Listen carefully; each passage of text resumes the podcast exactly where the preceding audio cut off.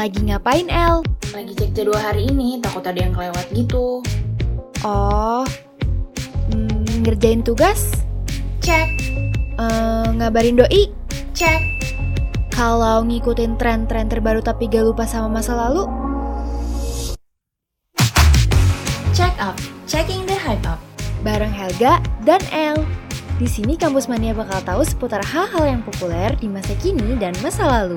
So, stay tuned. Setiap hari Jumat jam 18.15 sampai jam 19.45 malam, Only on 107,9 FM, 8 hari di ITB, your entertainment and music station.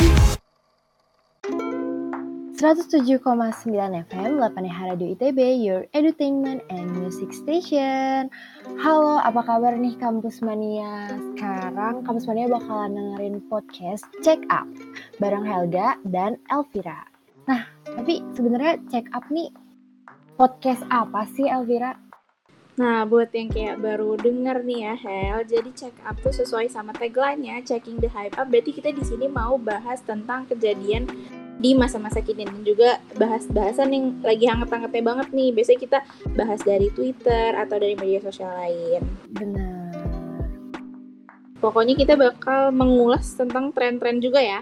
Iya, betul banget. Kayak kayak apa nih yang lagi rame? Mungkin kalau Kampus Mania sering update sosial media, mungkin kayak lagi pasti tahu dong apa sih sebenarnya yang yang lagi rame panas, gitu. Sih? Hmm. Iya, nah sekarang Helga sama El bakalan bahas nih di sini. Jadi sebenarnya secara garis besar ya El ya, kita bakalan bahas tentang problematika selebriti sosial media nggak sih? Iya, bener, bener banget. Kayak sekarang lagi rame banget gak sih eh, masalah-masalah artis yang habis pulang dari New York Iya. gitu ya. Pokoknya banyak banget deh kayak nggak berhenti berhenti gitu loh kasus si selebritis ini, selebrita dan selebriti ini. Selebriti. Ya kayak banyak juga sih masalah-masalah yang dan banyak juga nih berita-berita yang akhirnya menyangkut pautan sama selebrita ini ya dan kita bakal bahas di podcast hari ini.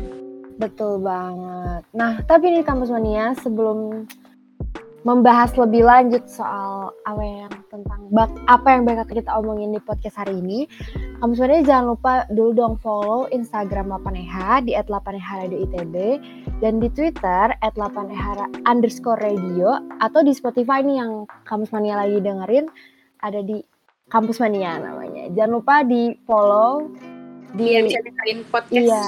lainnya juga ya. Betul banget dan gak ketinggalan info-info siaran atau artikel-artikel lainnya.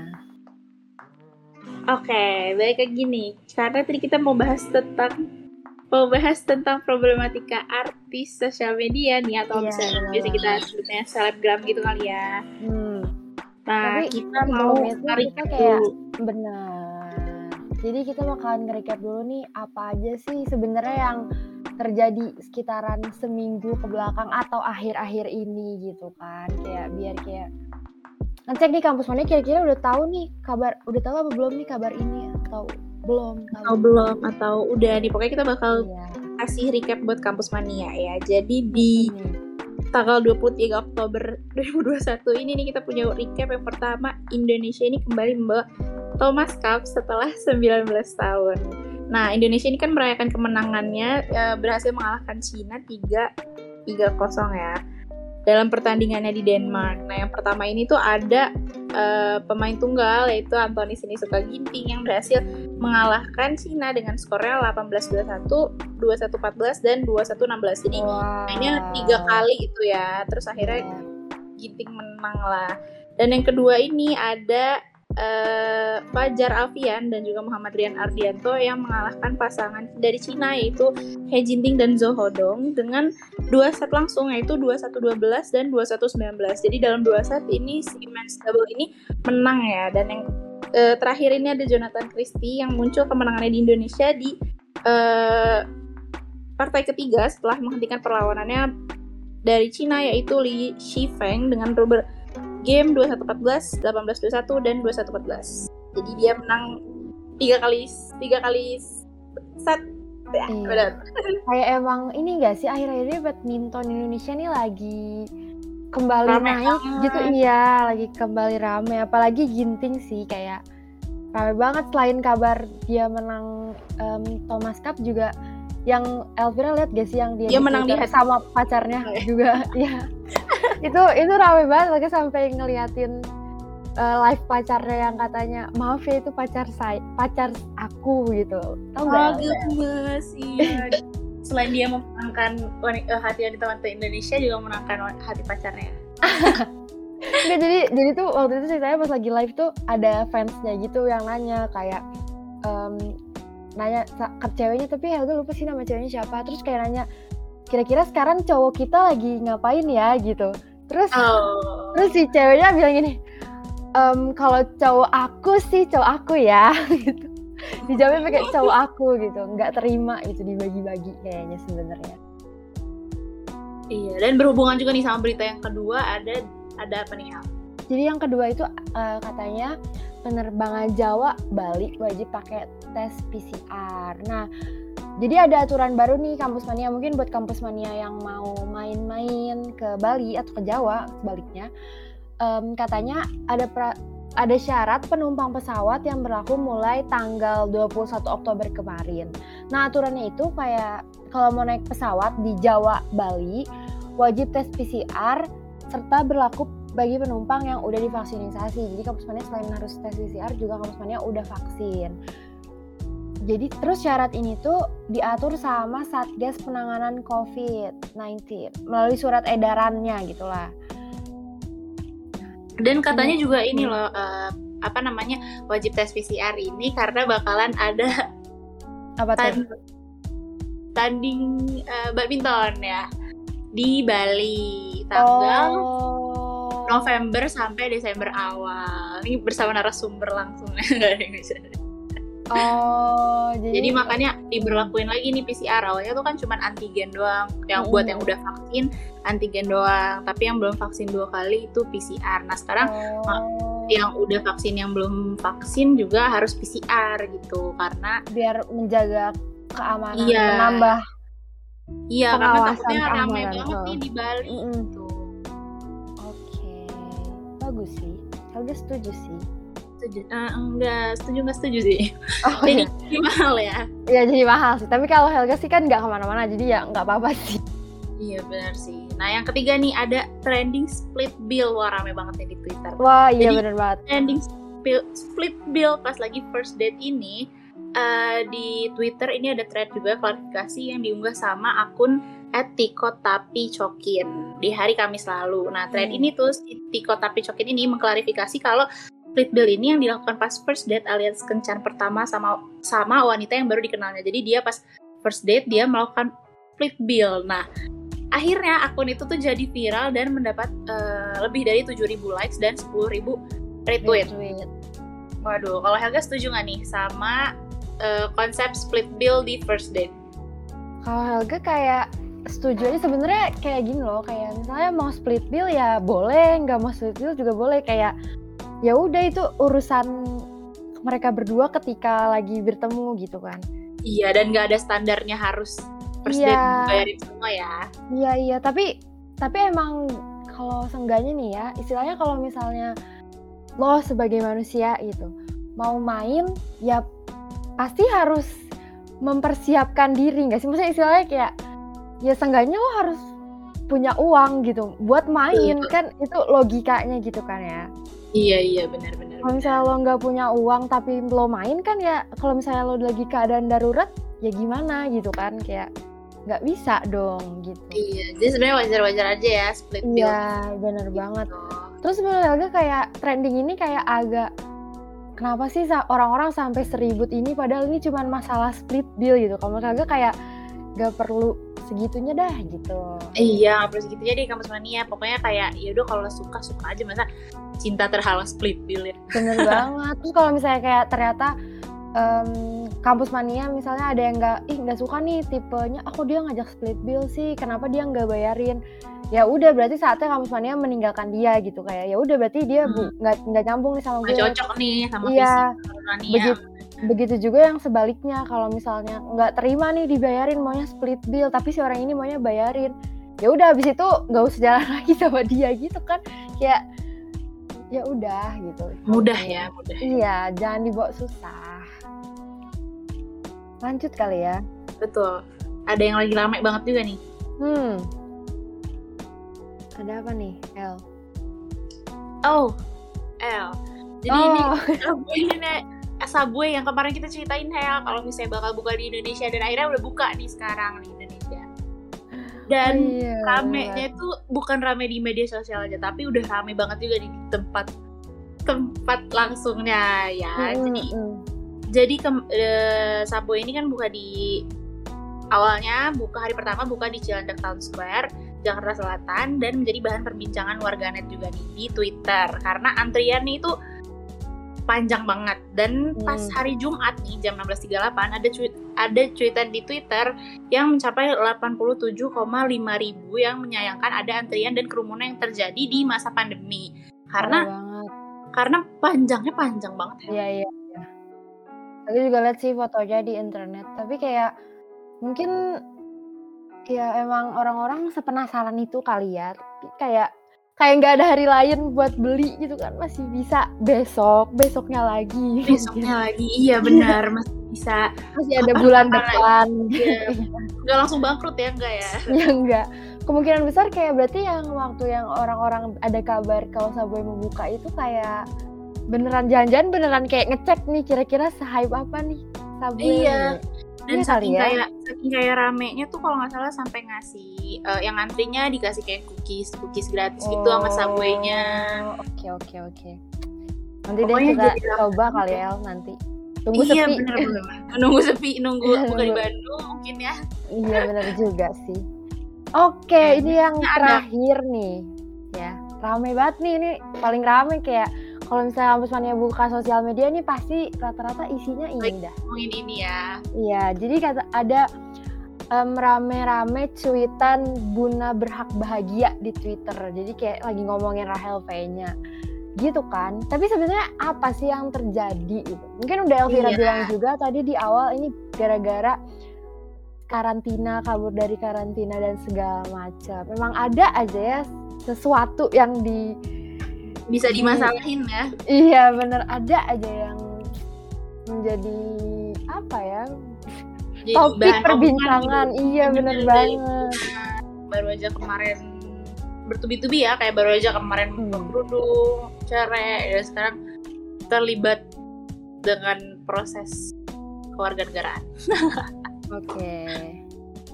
Nah kan berhubung tadi kita ngomongin soal Buna nih Rahel V-nya biasanya nih eh, Helga sama Elvira kalau lagi siaran check up ada segmen namanya kursi panas, panas iya. Hmm, mungkin kita bawa kali ya kursi panas ini ke podcast kita hari ini ya El? Iya bener bener bener. Jadi kita bisa bisa ngomongin nih yang Buna ini di kursi panas. Nah, kalau misalnya kita lihat nih di media sosial gitu kan ya, banyak banget hashtag yang eh, berseliweran hashtagnya itu Buna berhak bahagia. Oh. Nah, tapi tuh sampai dibikin hashtag ya Iya benar. Nah sebenarnya buat yang belum tahu juga nih Buna-Buna tuh siapa sih Buna? Buna kandung apa Buna siapa ya? Buna Ken mungkin Iya benar? Bisa bisa kan. Nah jadi Buna ini tuh biasanya dikenal sebagai Buna adalah Rachel V-nya Iya. influencer Instagram yang emang dari dulu tuh dijadiin banyak banget ya perbincangan-perbincangan tentang Rachel V-nya. Iya, mulai dari waktu waktu dia masih pacaran, terus sampai nikah, sampai punya anak, sampai anaknya dua, sampai udah Eh, jomblo udah bisa. lagi, iya, sampai udah punya pacar lagi, ada pacar aja. Iya, Nggak ada aja. banget. Oke, jadi eh, Buna ini tuh kali ini membawa eh, berita itu adalah kabur dari karantina COVID-19 dari Wisma Atlet dan karena yang tadi sempat disampaikan juga nih kalau misalnya Buna tuh habis dari New York dan juga habis dari ya pokoknya yang eh, collab bareng Erigo itu Mm-mm. jadi pas pulang harusnya karantina 8 hari eh malah kabur dan diduga Buna ini juga dibantu sama oknum TNI buat kabur dari Wisma Atlet ini. Bener banget. Terus katanya oknum TNI yang bantu juga katanya ya, katanya nggak dikasih apa-apa gitu. Kenapa? Waduh. Kayak Kok bisa ya, Iya, ya? kok gitu. Coba Nah, kita baca kali Oh, ya. Iya, banyak banyak juga nih cuitan-cuitan dari netizen boleh Hel dibaca. Nih, jadi yang pertama katanya kenapa gue kesel sama dia dia tapi kayaknya mungkin orang ini nggak nyebutin orangnya siapa cuman orang-orang udah ngerti ini ngomongin siapa gitu ya Iya. karena dia dengan mudahnya lolos karantina sedangkan banyak di sini para TKW yang udah berumur terpaksa karantina 8 hari ada orang tuanya yang meninggal anak meninggal tapi tetap kepaksa nih harus eh, karantina 8 hari. Sedangkan ini orang dengan enaknya cuma tiga hari katanya. Kata salah satu pengguna Instagram. Jadi Wah, emang emang paling banyak di eh, permasalahan itu karena itu sih, karena ternyata banyak orang yang harus karantina, padahal ada yang meninggal yang harus dijenguk makanya dia pulang ke Indonesia, tapi eh, harus dikarantina dulu nih sampai nggak sempat ketemu gitu sama. Iya, sampai kayak ada misalnya iya keburu keburu ditinggal duluan gitu kan ya. sedih sih. Iya, bener.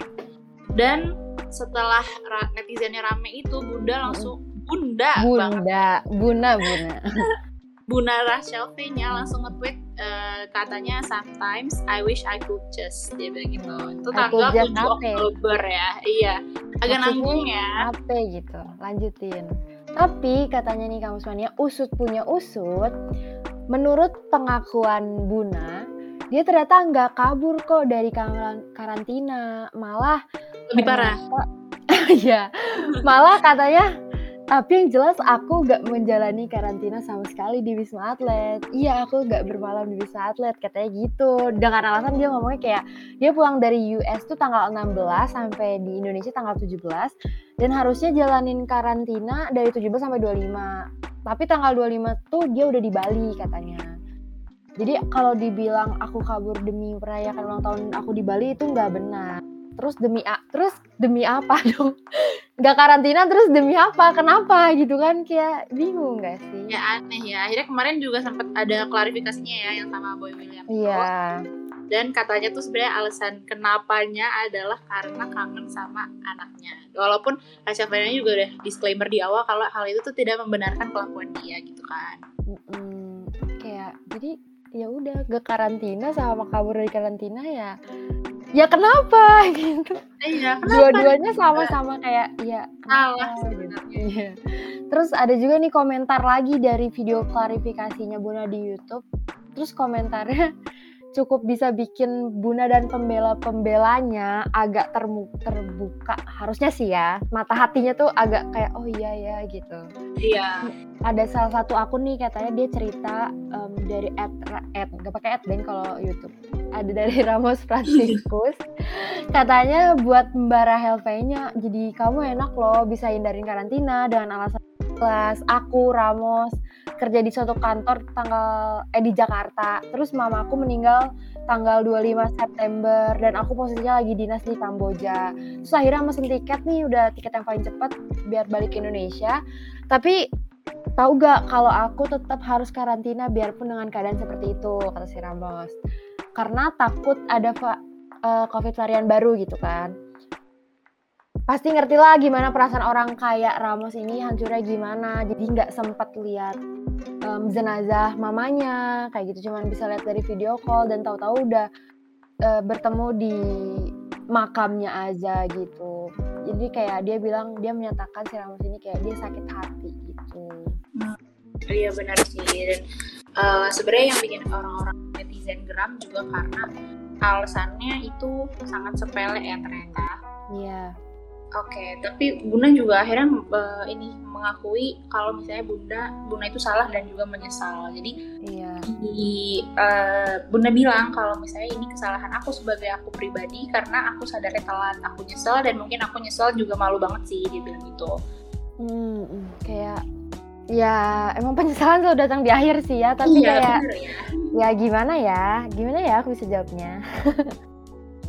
dan, dan ada juga nih Rachel yang bilang kayak gini aku aku itu pengen banget bilang ya aku salah. Bahkan kalau misalnya aku disuruh memberitahu kronologinya aku mau-mau aja dan aku siap untuk menerima sanksi dan konsekuensi ke depan. Aku akan jalani itu semua gitu dan Hmm, sempat juga kan kemarin banyak uh, pemberitaan kalau Rachel udah di Polda untuk uh, membereskan kasus ini kan hmm, hmm, kita update terus kali ya ininya. Iya, tapi uh, tapi ini juga sih kalau menurut Elvira kayak agak uh, netizen juga agak terlalu um, terlalu berlebihan ya dalam menanggapinya. Soalnya kayak ini kayak eh, ini banget apa namanya Rachel-nya sampai didorong-dorong di Polda sampai kayak apa? diteriakin padahal kan eh, dia juga udah mau mengakui kesalahan dan menerima sanksinya juga gitu Mm-mm. udah diurus secara administrasi keluarga negaraannya juga tapi diperlakukannya masih kayak salah banget gitu padahal eh, Emang salah.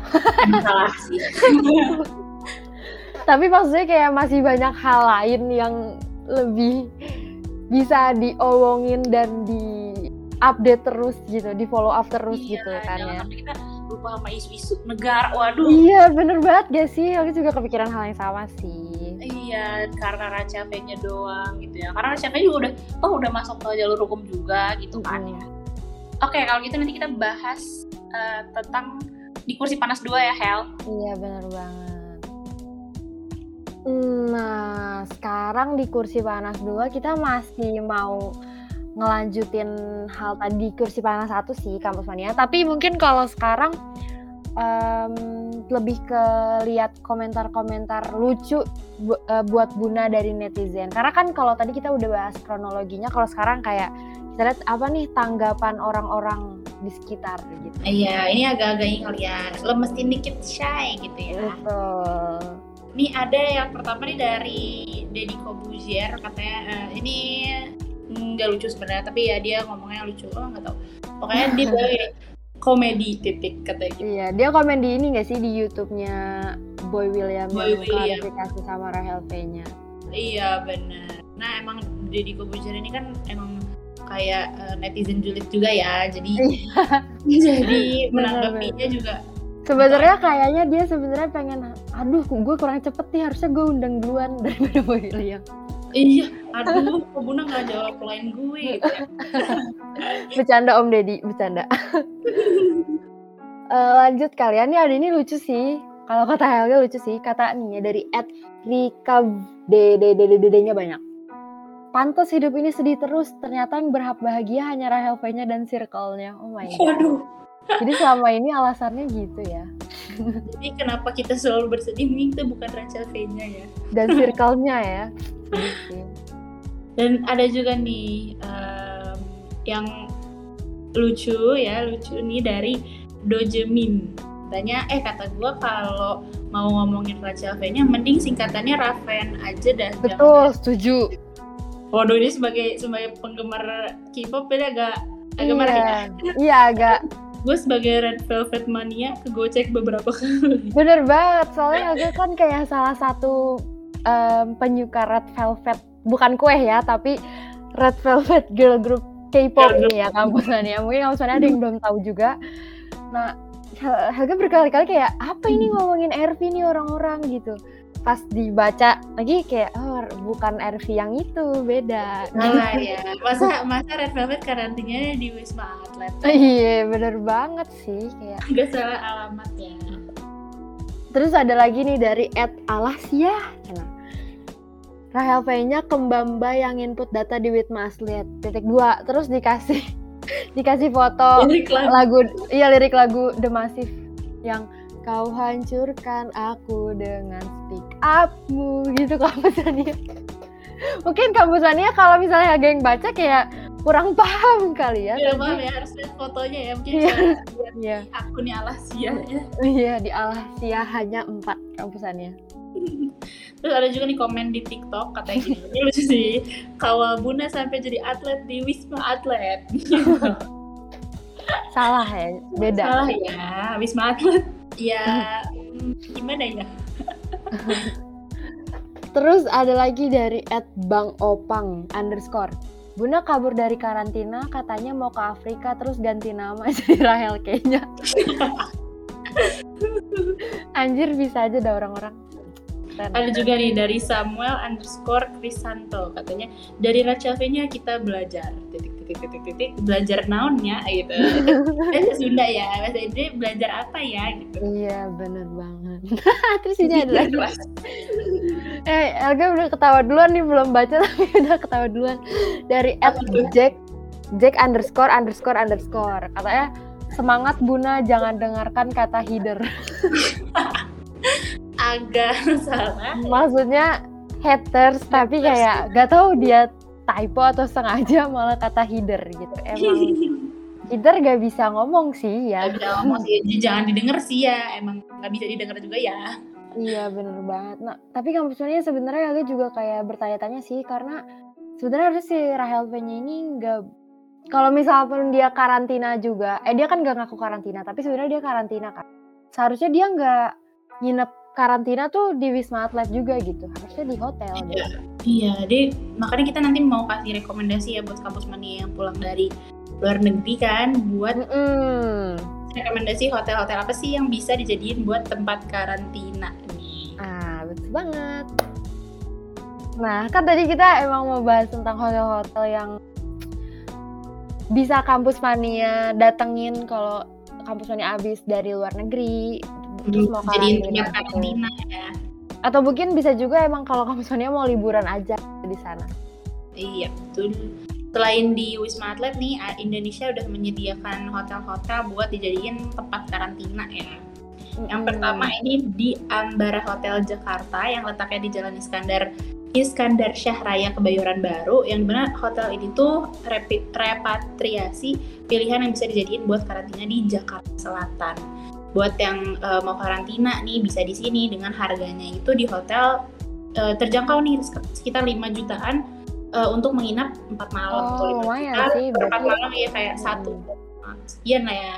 Mm-mm. Dan ini tuh udah termasuk tiga kali makan, transportasi bandara pas dateng, dan juga laundry maksimal 5 pakaian per hari per orangnya. Dan juga bakalan ada surat keterangan selesai karantina setelah proses karantinanya itu selesai gitu. wow ini udah lengkap komplit dan enak banget sih kayak Iya, enak banget sih sebenarnya Mm, kayak mm, mm. murah juga ya iya murah hari. Terus nih yang kedua ada The 101 Sedayu Darmawang.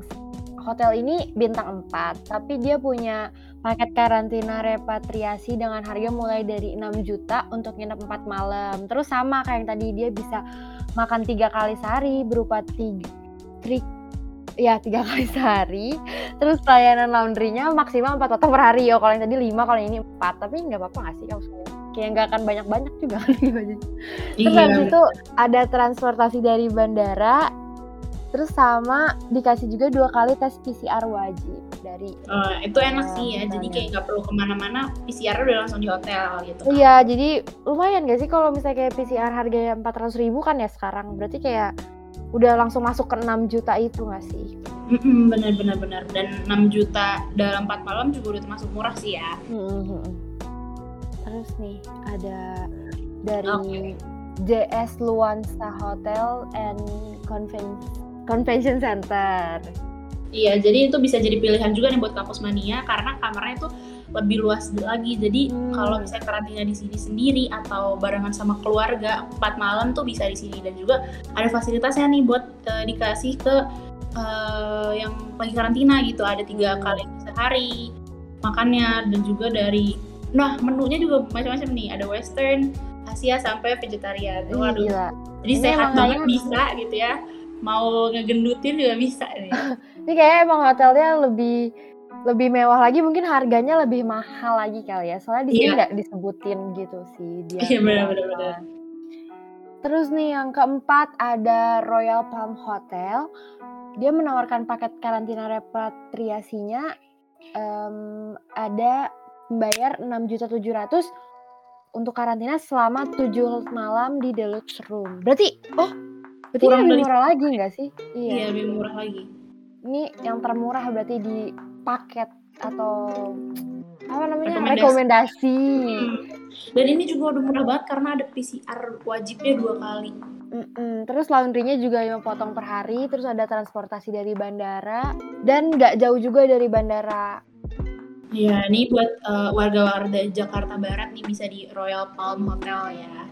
Tuh. Oke, terus yang terakhir banget nih rekomendasi dari Elvira dan Helga ada Windham Casablanca Jakarta. Nah, itu ada dua paket buat repatriasi yang karantinanya itu ada Grand Deluxe Room sama Executive Business King Room. Nah, bedanya itu di eh, dua-duanya itu paling besar di antara room-room lainnya gitu ya. Tapi di Executive Business King Room ini luas ruangannya itu besar banget 70 meter persegi. Waduh. Buset. Kayaknya, ngapain ya? Bingung. eh, saudara bisa sepupu gitu ya. Kayaknya bisa langsung satu keluarga besar di satu kamar Iya, aja. keluarga besar banget nih sampai sepupu-sepupu bisa nih. Dan juga selama tujuh malam bisa di situ karena nggak bikin ngerasa kayak terkurung banget lah karena ruangannya juga kan agak agak besar ya. bukan Nah, agak besar tapi besar banget. besar banget Bener-bener. dan ini ada di Jakarta Timur jadi eh, warga-warga Jaktim gitu ya bisa tuh kalau misalnya habis karantina eh maksudnya habis pulang dari luar negeri ke Windam Casablanca gitu kan dan lokasinya juga deket banget nih sama Kopas jadi bisa lah habis selesai karantina mampir ya Betul. Mungkin kampusnya kalau lagi masih kelebihan nih, waduh dipakai apa lagi ya gitu habis dari luar Iya. negeri. Udah deh kita nginep di sini aja karantinanya gitu. Merasakan Iya. ruangan 70 meter persegi Iya. gitu.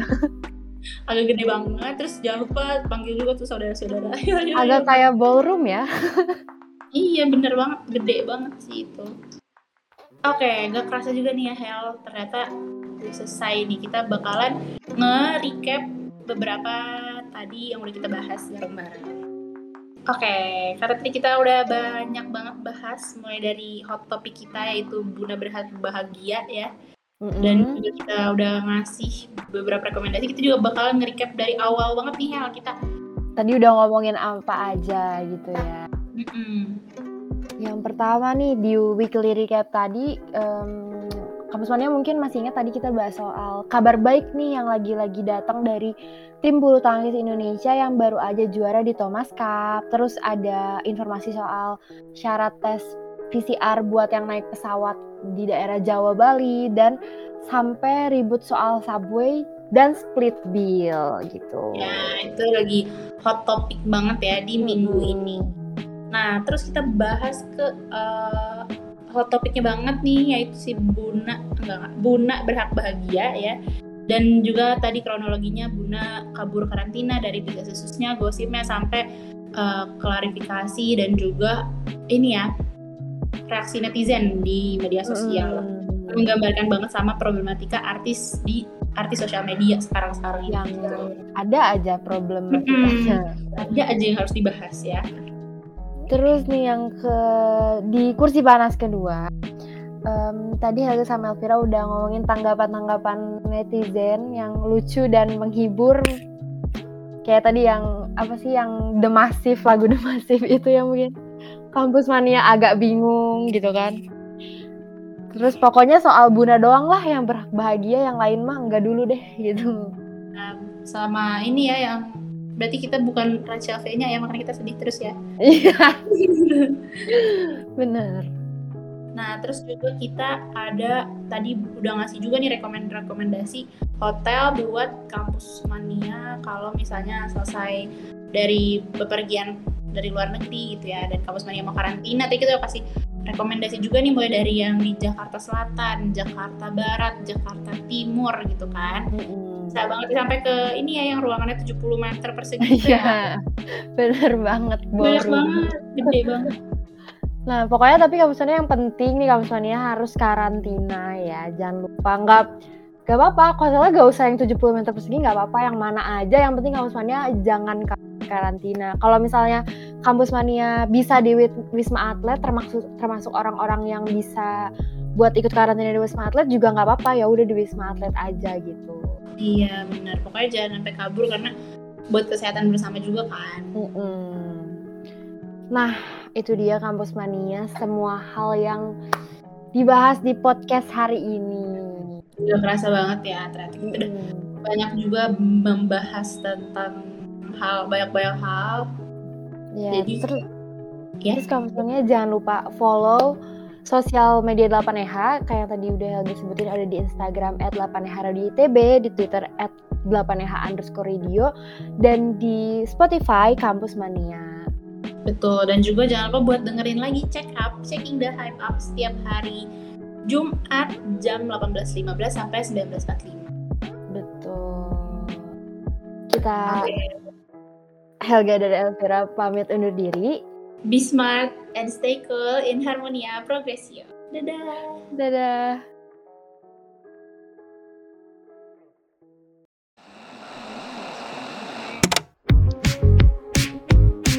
Hmm, Lagi ngapain, El? lagi cek jadwal hari ini, takut ada yang kelewat gitu. Oh, hmm, ngerjain tugas? Cek, Eh, ngabarin doi? Cek. Kalau ngikutin tren-tren terbaru tapi gak lupa sama masa lalu? Check up, checking the hype up. Bareng Helga dan El. Di sini Kampus Mania bakal tahu seputar hal-hal yang populer di masa kini dan masa lalu. So, stay tune. Setiap hari Jumat jam 18.15 sampai jam 19.45 malam, Only on 107,9 FM, 8 hari di ITB, your entertainment and music station.